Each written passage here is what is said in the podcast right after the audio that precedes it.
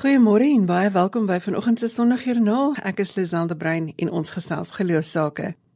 Ons gesels vanoggend met Gwen Kutse van Betty's Bay.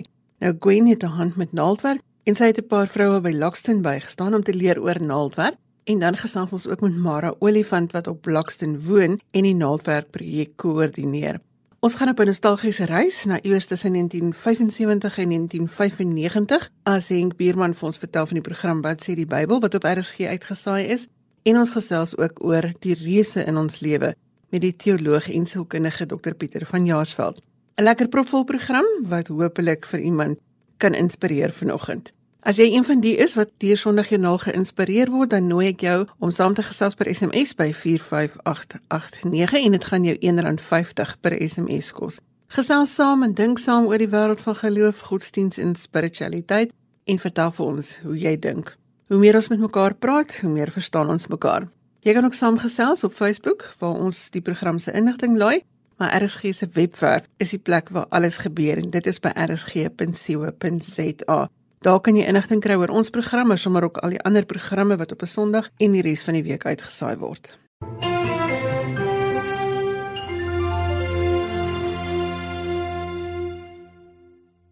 Gwen Gutsie is afgetree op Betty's Bay, maar vir haar is aftree nie stil sit nie. Ons gesels vanoggend met haar oor haar geloofspad. Goeiemôre Gwen. Goeiemôre Lisel.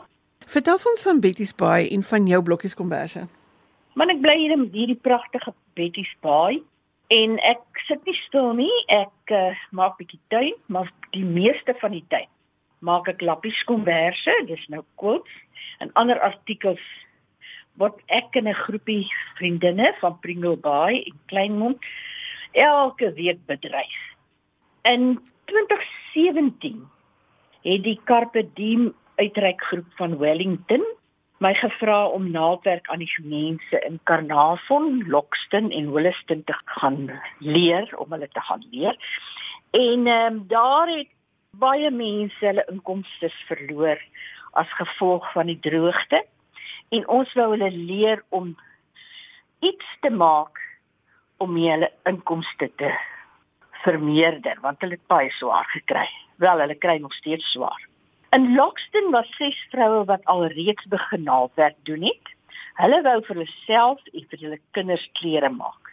Daar is net 'n koöperasie vir kruideniers en ander benodighede, maar geen ander winkels nie. Hulle is baie betrokke by hulle kerke en ondersteun mekaar. Maar die armoede is baie baie groot. Ek het teruggegaan na daai keer. Ek kon hulle die eerste keer nie veel leer nie. Ons het maar 3 dae gehad.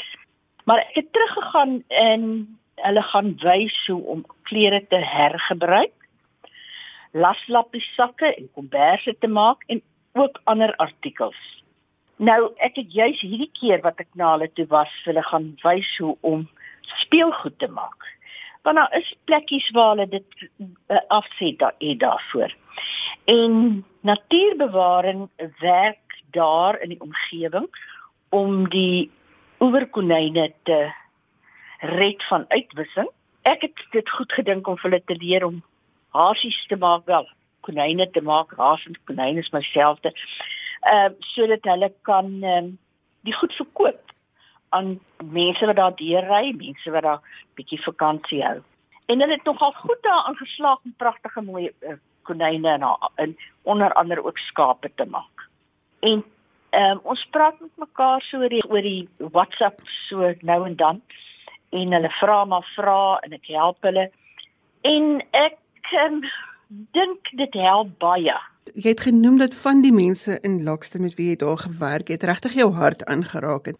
Vertel ons 'n bietjie van met die vrouens met wie jy gewerk het, watter omstandighede is. Bietjie, hulle kry baie swaar. Daar is van die 6 dames, is daar net een vrou wat 'n man het wat vir haar sorg sy's ook baie oulik om naaldwerk te doen en sy het ook die die meer kansse. Maar die res is weduwees en die ander het maar seuns in goed wat vir hulle bietjie probeer help. Maar dit is regtig uh die mense het nie meer werk nie want die skaapboere het nie meer skape om op te pas nie en hulle is eintlik is hulle vrouens van mans wat skaapwagters was. Hulle kry baie swaar. Hulle steun vreeslik op mekaar, hulle help mekaar verskriklik baie in hulle hele gemeenskap. Dis 'n wonderlike gemeenskap. Ek uh, kan eintlik amper nie glo dat daar nog 'n gemeenskap is waar daar soveel armoede is, maar soveel ehm um, deernis vir mekaar. Hulle is baie betrokke by hulle kerke. En nou met die lockdown het, het hulle juis juis die vrou wat se man wat nou nog 'n man het by haar hy het en sy het vir die mense kos gegee want hulle het nie daai pakkies gekry wat beloof was nie. En hierdie twee mense het net eenvoudig ingespring en in hulle eie hulle is nie goed daaraan toe nie, maar hulle eie ehm um, bietjie geld wat hulle kon gebruik, het hulle ingespring en die res van die mense begin kos gee. 3 maal 'n week het hulle uh, kos gekook en die mense het in rye kom staan en kos kom haal. Dit het nou eintlik my my asem weggeslaan om te dink dat mense hulle self probeer help. Gwen, watter rol speel geloof in jou lewe en in dit wat jy doen? Ek glo die Here het hierdie mense op my pad gebring. En ek uh, het wonder ek het wonderlike gawes wat om baie dinge te kan doen en ek het net dit in my siel gekry dat ek moet hierdie mense gaan help en die kennis wat ek het wat weg is as ek nie meer hier is nie oor te dra aan aan hierdie mense spesifiek wat dit kan gebruik en dit graag wil gebruik.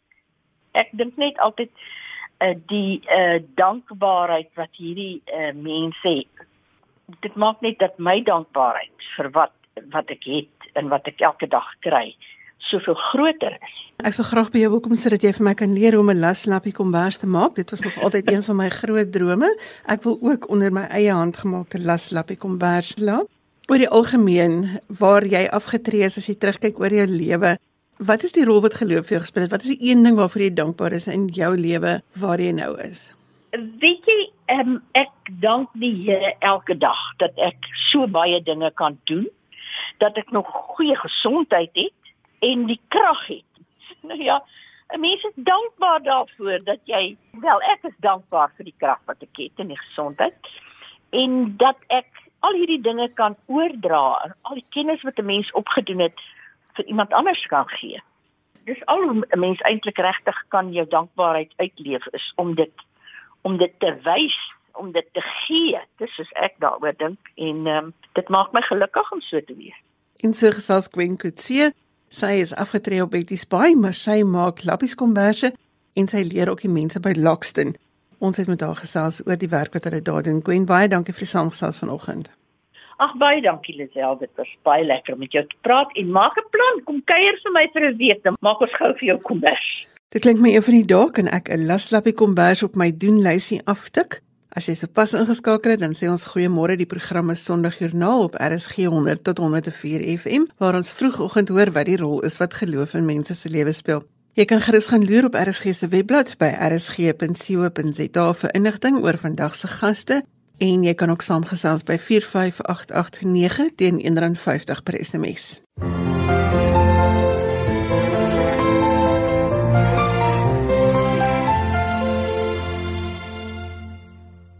Mara Olifant is een van die vroue wat by Gwen Kutse klas geskry het oor naaldwerk doen en sy gesels ook vanoggend met ons. Goeiemôre Mara. Goeiemôre, Lucia. Mara, ons het nou by Gwen Kutse gehoor van die naaldwerk wat julle doen daar op Lockston. Vertel ons hoe lyk Lockston en wat doen julle daar? Lockston is 'n baie klein gemeenskap, maar 'n baie lieflike 'n dorpie. Ons is 'n boomryke dorpie en op die oomblik is ons 'n paar vroue wat besig was besig was met 'n naaldwerk projek op Blokston en Gwen het sien by ons uitgekom deur 'n uitreik van die interkerke wat hier gekom het en so het sy gekom om vir ons ook te kom help met 'n naaldwerkers. Dis hoe ons vir Gwen geontmoet het. En maar Blokston is 'n baie eenvoudige dorpie en mense wat hande vat en saamwerk. Dis ons dorp. Maar ons weet nou van COVID-19 en ons weet dat daar baie mense is wat swaar trek. Hoe het dit vir julle beïnvloed daar in Lockston? In Lockston was dit 'n uh, baie hartseer saak met COVID-19 omdat Lockston het nie regtig werk nie. en die wat wel werk gehad het wat in die tuine gewerk het en die mense se huise gewerk het se brood se daglikse brood was uit hulle monde uit want hulle kon nie werk tog aan nie. Ek weet en wat gebeur het. Ek het gaan lê en ek het geslaap en so was daar reeds 'n groep mense wat vir kinders kos gegee het. En die Here het met my gepraat en elke keer het ek 'n visioen gesien van mense wat honger was. En die kerk wat ek behoort het aan ons skenking gegee vir COVID-19 en ons het die geld gevat en in ingeploeg om vir mense kos te gee. En ons het 'n groep, 'n Loxton groep en ek het op die groep gevra wie is bereid om my te join. Ek gaan begin om kos te gee. En die gemeenskap het na vore gekom en skenkings het ingestroom van kerke van plaaslike mense wat donasies gegee het en so het ons baie mense kon voed ons kon nie almal voed nie, maar die wat ons kon bereik het, het ons bereik. En veral vir die kinders wat dit die meeste nodig gehad het. Maar en wat gebeur nou op hierdie stadium? Ons is nou op vlak 1. As jy vir my sê daar's nie regtig werk in Lockston nie, hoe maak hierdie mense bestaan? Ek weet in Lockston lewe die meeste mense op child grant. En dis waarom ons ook reeds die naweek groep begin het om om te kan uitreik om vir mense werk te skep soos soos die groep soos die werk soos dit groei en dan is dit CWP projek wat in Lockston is. En die mense werk maar nie tuine en op die nabye geleë plase gaan werk mense. Hmm. Uh, maar die ekonomie wat nou so geval het is dinge maar baie moeilik in in als en ek het ook nog weer teruggekeer werk toe. So uh daar is nou nog mense wat aangaan so elke twee of twee keer 'n week om vir mense kos te gee, maar ek is nog weer voltyds by die werk. En vertel ons van julle naaldwerk projek. Ons is 'n naaldwerk groep wat begin het in 2016 met vroue wat bymekaar gekom het en 'n bietjie gesels het oor 'n koppie koffie en so was dit die haas wat baie bekend is in Lockston en die oeverkonyn wat ons mee gebind was en ons het begin borduur, hasse op goed begin borduur en goed en dis waar ons projek eintlik ontstaan het. En ons het die die ding gedoen met Ingrid van wie's jy waar wil jy wees en wat wil jy bereik in die lewe? En ons het gevoel van daar nie maar ons wil 'n besigheid begin en dis hoe die Nalweer projek begin het. En die CWP het ons toe befondsing gekry en SIDA wat vir ons gehelp het om te registreer en om 'n naalwerkkursus te kan doen en ons het dit voltooi, suksesvol voltooi. En vandag is ons geregistreerde naalwerkprojek. Ons het sopas ons eerste tender gekry om maskers te maak en hiervandaan is glo ek is net voorspoed vorentoe. En waar is die afset vir julle naaldwerk? Wie koop julle naaldwerk? Hoe hoe werk dit? Ons is nog besig om om om daar te kom.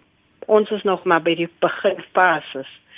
Op die oomblik het ons 'n tenner gekry in in die Ubuntu streek om om ons munisipale streek om maskers te maak. Maar plaaslik maak ons soos handsakke en uh konynne en teddybeere en sulke goed of iemand kom maak vir my gordyne en sulke goed ons fokus nou maar nog op dit maar ons eintlike aim is om skoolklere te maak en uh uh hospitaal uniforms en 'n overall pakke.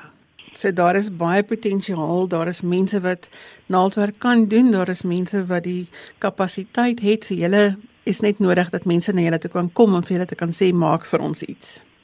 Ja. Maar wat is die rol wat geloof in jou lewe speel en miskien dan ook in julle gemeenskap? In my lewe speel geloof 'n groot rol want my lewe is op geloof gebaseer. Ek glo in die dinge wat ek kan sien, nie maar dit wat ek glo aan en op dit wat ek vertrou. En uh op 'n sekere stadium moet ek die Here kans gee in my lewe as my persoonlike saligmaker.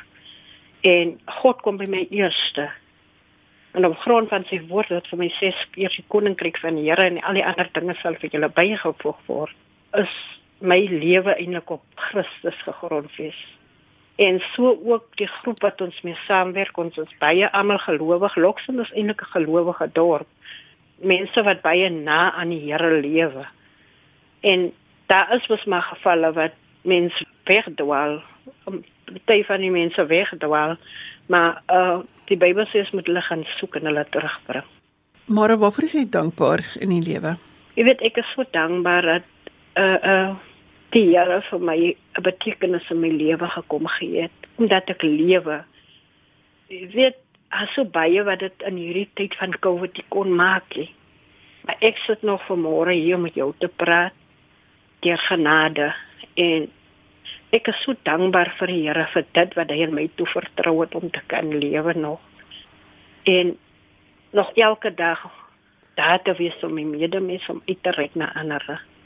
En vandag leef ek net vir myself nie. Ek moet leef uitreik na ander toe.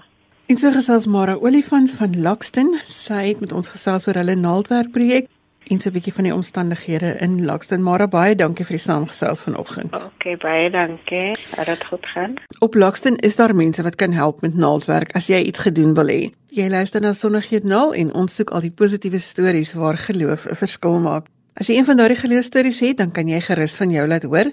My e-posadres is lazel@wwmedia.co.za. Nog 'n storie uit 'n kusdorp kom uit Stilbaai vanoggend. Die oud omroeper Andre Groenewald het 'n e-pos gestuur om te vertel van nog 'n oud omroeper, Henk Bierman, wat op Stilbaai afgetree is. Henk was vroeër jare omroeper by RSG en was verantwoordelik vir wat sê die Bybel onder andere. Ons gesels vanoggend met hom. Goeiemôre Henk. Goeiemôre Lisel en baie baie dankie vir die voorreg. Jy weet dit is baie jare gelede en 'n mens het baie om oor te praat. Vertel vir ons van jou dae as omroeper by RSG. Wel, jy weet, ek het natuurlik baie lank uh, gesukkel om eintlik by die radio uit te kom. Dit is 'n lang geskiedenis wat ek nie nou gaan herhaal nie. Maar ek het uiteindelik drie van my liefdes uh, kon verwesenlik want ek was baie lief vir die Bybel my hele lewe lank, van kleins af en ek het 'n bietjie studie gedoen oor die Bybel vir 3 jaar lank wat ek by 'n college was en toe het ek nou ook vir Afrikaans natuurlik my universiteitsloopbaan het oor maar oor Afrikaans gegaan. Ek het toe in Afrikaans gedoen en later was ek 'n dosent in Afrikaans. Maar toe nou op 41 jarige ouderdom het die liewe Here dit so bepaal dat ek nou ook die drie liefdes van my, die radio, die mikrofoon, uh Afrikaans en die Bybel, dat ek dit bymekaar kon bring. As 'n jong kind het ek daarna geluister. My pa het baie daarna geluister. Vertel ons hoe het julle dit aangepak? Wel, ek het daar gekom nadat al 14 jaar op die lug was. Uh in daai stadium was Robert Schmidt nog die aanbieder en ek was toe die regisseur en ek het die program aan mekaar gesit. Ek moes die uh, professore bel en ons moes uh, die ateljee tyd reël en dan het ons natuurlik nou by mekaar gekom en ek het maar agter die glasgordyn gesit soos Vanus Rautenbach altyd gesê het. En dan het ek nou maar die program opgeneem en dit geredigeer agterna. Jy het baie medewerkers gehad op die program. Ja, ek het 'n hele klomp professore daar leer ken en ek het self natuurlik met 'n baie groot klomp van hulle kennis gemaak en later ook met hulle gesels as die aanbieder van die program. Ag ek dink aan professor Ben Engelberg, professor Frikkie Botha, professor Charles van der Walt, dit is Frans Leon Cachet. Uh um Ami van Wyk, Gerrit Veldhuisen, Andries Breitenberg, Jan Durant en professor Fika van Rensburg, Wil Vosloo en Johan Kokemoer. Hulle was my laaste 3 deelnemers uh, vir 7 jaar lank om drie. Wat was die luisteraars se reaksie op die programming? Wel, ons het geweldig baie briewe gekry. En om dit te sif uh, was natuurlik nogal 'n uh, redelike probleem want baie mense het baie lang briewe geskryf en dan moes jy nou maar eintlik agterkom wat was die eintlike probleem. so dan het ek nou daai vrae probeer uh, kondenseer en uitgehaal en dan het ek dit nou aan die aan uh, die professore gestel. Ek het dit natuurlik vooraf vir hulle gestuur sodat hulle kon voorberei daarop. Dit was nou nie 'n lukrake ding as hulle nie in die ateljee inkom nie. Hulle het uh, genoeg tyd gehad om dit voor te berei en dan het ons dit nou maar en op daai manier het ons. Ek het nog opnames om die waarheid te sê hier by my in my huis wat ek nou uh, gehou het. Maar jy het nie net wat sê die Bybel aangebied nie, jy was ook verantwoordelik vir u eie keuse onder andere. Ja, maar ek moet daarom nou net eers sê uit wat sê die Bybel het daar natuurlik ander programme ook uh, ontstaan. Ek het nou uh, op 'n punt het ek gekom waar ek gedink het daar is dis nodig dat die mense bietjie meer agtergrond van die Bybel ook moet kry. En toe het ek uh, dit, dit voorgestel en ons het toe baie baie lywige studie gemaak van die agtergrond se uh, uh, agtergrondgeskiedenis van die Bybel en professor Ferdinand Duist uh, van Unisa het ek toe as redakteur gekry en uh, daaruit het ons 20 programme gemaak. Eerstens het daar 'n boek verskyn onder die titel Die Bybel leef. Daaruit het 20 radioprogramme ontstaan En nou ja, op die ouend het dit uitgeloop op 'n lang toer eh, wat ons onderneem het deur Israel en deur Griekeland en nou ja, op daai manier het, het het die mense toe 'n bietjie meer agtergrond gekry van wat in waar, die Bybel eintlik ontstaan het ook. En uh, toe later van tyd het ek nog weer met wat sê die Bybel ook 'n toer gehad uh, saam met professor uh, Fika van Rensburg uh, professor Wil Vosloo en professor Johan Kokemoer.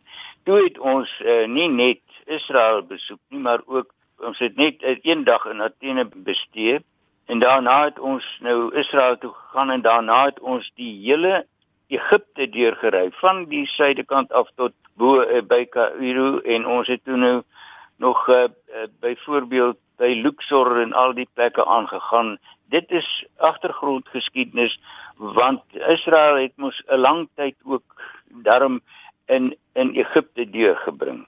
So dit was nou die Bybel leef wat sê die Bybel toe. Julle was verantwoordelik vir veel meer as byvoorbeeld net wat sê die Bybel. Daar was ook aandoordenkings, oggendoordenkings, die uh, eredienste wat uitgesaai is. Daar was daar was 'n groot betrokkeheid by godsdiens geweest.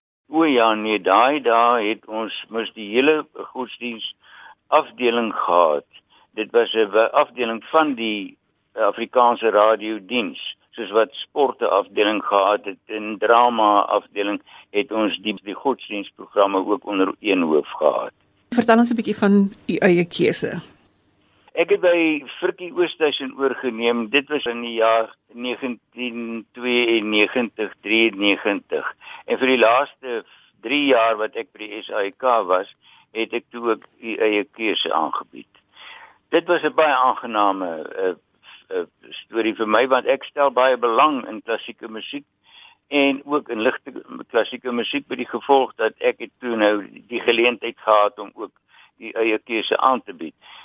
En later van tyd het uh, toe ek nou weg is by die SAIK het relatief uh, uit dit by my oorgeneem. Het jy enige interessante staaltjies wat jy tydens jou dae as aanbieder van die program teëgekom het? Wel, ek moet sê daar was een oom wat ek nooit sal vergeet nie. Ek wil sy naam noem nie, maar ek dink hy is nie meer daar nie. Uh een oom wat vir ons uh ons het altyd 'n bietjie uh tong in die kies gespot gesê. Hy daar weer 'n epistel verskyn van oom so en so.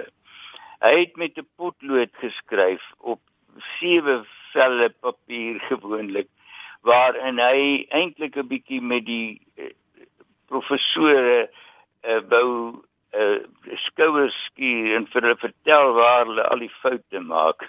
nou dis daarom uit sy briewe kon ons daarom ietsie uh, bymekaar maak wat ons weer as 'n vraag kon stel. En so en dan was daar 'n besondere karakter wat geglo het Hy is die Daniel van die Ou Testament wat weer herleef het. En ons het van hom ook gereeld sulke briewe gekry. Ek moet sê dit was altyd 'n baie aangename gees waarin ons die die briewe kon lees en 'n bietjie daaroor praat.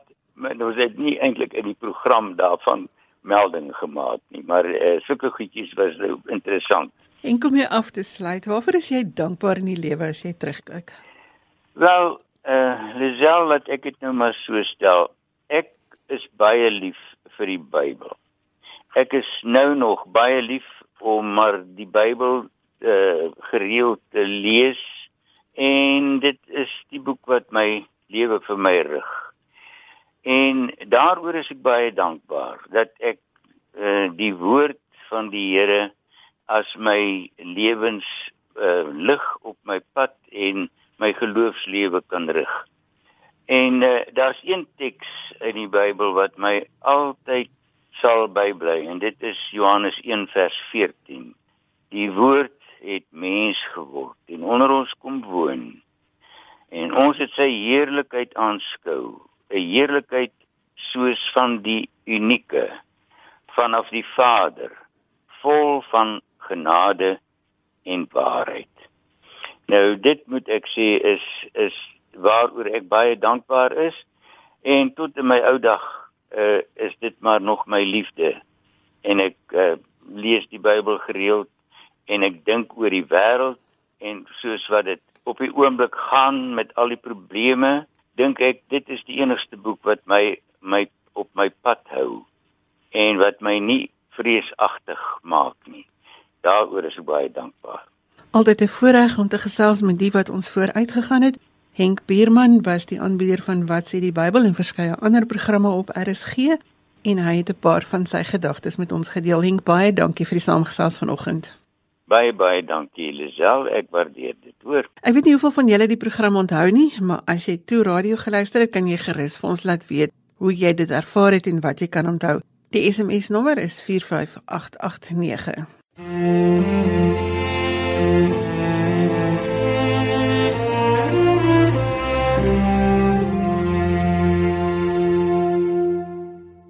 Dokter Pieter van Jaarsveld kom loer elke dan en wan by ons in hier in die ateljee, gewoonlik op die tyd wanneer ek dit nodigste het vir opkikkering en ek het hom nader getrek om vanoggend met ons te gesels oor die reëse in ons lewe. Goeiemôre Pieter. Môre sê en jy sal nie weet hoe lekker dit is om hier te wees nie. Dankie Lisel. Net eers gou vir agtergrond, jy's 'n sielkundige en 'n teoloog. Jy's eintlik ouer as af die ouderdom as ek dit so mag ja, sê. sê. In 'n netedop, wie is Pieter van Jaarsveld? Die belangrikste van Pieter van Jaarsveld is ek kom van die dorp wat julle almal mee spot. Pofvader. So dit is my belangrikste in my lewe. Nie 'n graad of wat nie, pofvader. So dit's belangrik, ja. Uh, ek het 'n maatskappy, ons doen leierskapsontwikkeling. Ek uh, vertrek nou, vlieg nou weer vanmôre. Begin ons na al die Zoom sessies en video sessies begin ons en ek is moeg daarvoor, hoor. Ek is moeg vir hier wat jy niemand sien nie. So ek sien verskriklik uit daarna om môre weer op die vlieg te klim en dan gaan ek nou welkom toe en dan se ek in Katoen en as ek weer in welkom so ek is heerlik nou travel. So ons doen leierskapsontwikkeling. Ek werk so bietjie heelwat oor see. Niks vir jaar natuurlik nie, maar ja, so Ek het 'n wonderlike werk, net om vir mense te sê jy kan jou kop verander, as jou kop verander, verander jou lewe. Dit is so maklik.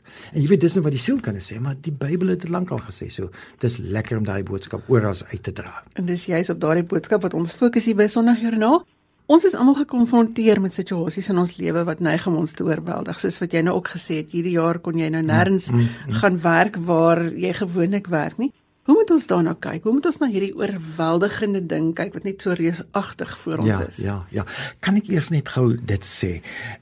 En, en mense moenie sleg voel as hulle deur dinge oorweldig voel nie. Ek dink baie van die luisteraars het dit al gehoor want ek het dit al voorheen gesê want as jy oorweldig voel en dat ek miskien net ook dit sê wat interessant is, die navorsing wat nou uit uh, China kom, is dat daar het 'n geweldige aggressie by mense ontstaan en hulle sê hulle het aan baie dinge aandag gegee maar juis nie aandag gegee aan mense se emosionele gesondheid. So ja, dis wonderlik dat ons daaroor vanoggend kan gesels. So kom ek net eers vir die luisteraars dit sê. Dink dit 'n geleentheid waar jou bekommernis en ons het baie bekommernisse. Jy weet baie mense sit oor wat in die land gaan. Ek dink Senekal het vir ons almal 'n bekommernis. Uh plaasmoorde. Mense het hulle werk verloor. Ag, my hart gaan uit daarna. Mense is bekommerd oor hulle familie. Ag, al hierdie dinge. So so hierdie dinge is eintlik vir ons reusagtig groot. Ek hou van die woord wat jy gebruik het en laat my nou dadelik aan Dawid de Goliat dink maar ek wil net eers dit sê. Nou hierdie bekommernisse wat ons het wat baie menslik is, al sê die Bybel ons moet dit doen doen ons dit mos nou maar. Dit veroorsaak dat ons 'n uh, hormoon in ons liggaam afskei waar ek oor al vroeër gepraat wat se naam kortisol is en hulle maak jou moeg. Maar meer, jy kan nie slaap nie, jy's aggressief. Uh, en ek wonder dikwels of hierdie geslagsgeweld in ons land ook dikwels uh, daar uitsprei. Jy nie feit jy nie kan slaap nie, angs en al daai tipe vindinge. Nou ek is bly. Ek het nou onlangs begin lees oor oor Dawid en Goliat. En ek wil dit graag dan ook volgende met julle deel. Want ons voel dikwels ons kan eintlik niks aan die situasie doen nie. En wanneer jy hierdie onbeholpenheid voel, dit is so sleg vir jou gesondheid. Wat ek nou net gesê het van die kortisol wat by the way 74% van ons siektes veroorsaak. Nietemin. Die hele ding as jy nou dink aan Dawid en Goliat, dan het ons gedink Goliat is 'n groot reus wat onoorwinnelik is en so voel ons dalk oor ons dinge wat vir ons voorlê. En Dit is daarom want as as Dawid nou aankom vir hierdie waar Goliat staan wat mos nog 'n panser was, ek meen soos 'n pansermotor al wat nou oop was as hierdie stukkie bo sy kop. En hy staan daar so kom veg na my toe en dit het nogal dikwels in die vroeë jare gebeur dat een man uitgaan en dan die ander uh, dan veg in een om bloedvergieting te vermy en die ou wat dan verloor uit die aard van die saak dan moet jy nou hulle nou onderdanig raak. Selfs sodat toe Dawid aankom en hy sê maar ek sal hierdie man hoekom is julle bang vir hierdie affære? Hoe kan hy hierdie heiden nou sulke dinge vir julle sê? Dat selfs Saul het gedink maar wag hierdie Dawid is dan glad nie met sy klippie uh, en sy ou kitty as hy mense amper so kan sê met sy slingervel reg opgewasse nie. Het Dawid iets geweet wat die res nie geweet het nie? Dawid het geweet hy het 'n wapen wat God vir hom gegee het wat baie sneller was, baie sterker was. Inteendeel, hulle sê dat ek daar was gewoonlik drie soorte soldate in daai tyd. Jy weet die gewapende soldate, die ruiters en dan was dit letterlik hierdie ouens met die slingervelle. Die slingervel was so akkuraat dat 200 meter as jy 'n ding van jou af kon gesien, kon jy hom letterlik raak gooi. So Dawid het besef, God het vir my eintlik iets wonderliks gegee. Die feit dat hy geweet het van die leeu en van die beer en daai tipe van dinge was in sy kop. OK. Goliat uh was hier die groot reus wat niemand kan oorwin nie. Selfs sukses Saul het gedoen nie. En eintlik was Goliat was eintlik die kleintjie gewees. Dawid met sy slingervel was eintlik as mense vandag se terme kon sê erger hy het eintlik met die AK74 gestaan terwyl Dawid 'n Goliat met 'n ketting gestaan het want jy moet oplet wat met Goliat se storie gebeur Goliat sê kom na my toe skree hy. Hoekom sê hy kom na my toe daar staan in die Bybel Goliat kom af op die heuwel met 'n helper. Hoekom met 'n helper? Hoekom besef hy eers toe Dawid baie naby hom is te sê uh, jy kom met Kiris terwyl Dawid net een gehad het. Nou na alle waarskynlikheid het Goliat die siekte akromegalie gehad wat beteken hy het dis 'n groeihormoon wat ekstra gestimuleer word so jy word besonder groot. Maar die nadeel van die ding is en waar tussen hakies net ek verbeel met die ou wat die langste in die wêreld die grootste in die wêreld met die gro groeihormoon die grootste wat sy naam is Waddle as ek reg onthou. Hy in ou terme van was hy 9 voet 11 nou kan jy sien wat hy eeu kom ek uit.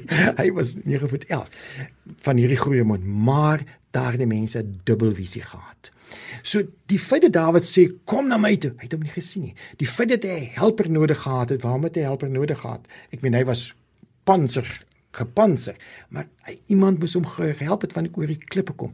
En dit is 'n wonderlike storie agter die ding van van die Bybelse storie van Goliat. Dawid weet ek het 'n ongelooflike wapen wat God vir my gegee het. Goliat is eintlik die klein mannetjie. En dit gebeur dit was my. Ja, dit lyk nou vir ons. Wat gaan in ons land aan? Baie mense het hulle werk verloor en my hart soos almal gaan uit vir die mense. Ons is bekommerd oor die dinge. Maar op die ouend is hier die reus nie so onoorwinnelik soos wat ons dink nie. Of dit jou finansies is of jou siektes, maar die weet die Here het vir ons soveel vermoëns gegee. Weet jy wat?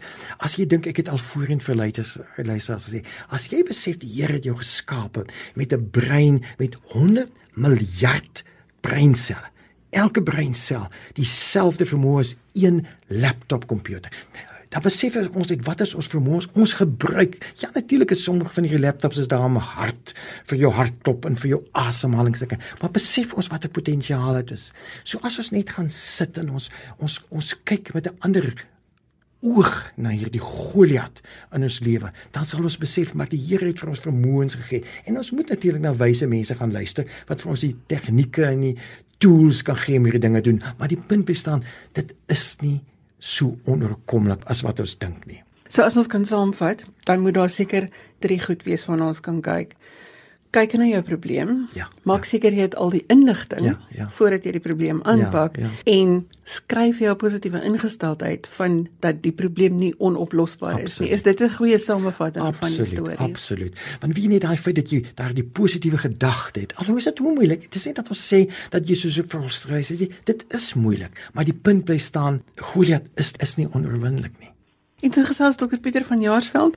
Hy is 'n teoloog en sielkundige en ons het vanoggend geluister na die storie van Dawid en Goliat om te weet hoe ons ons eie probleme kan oorwin.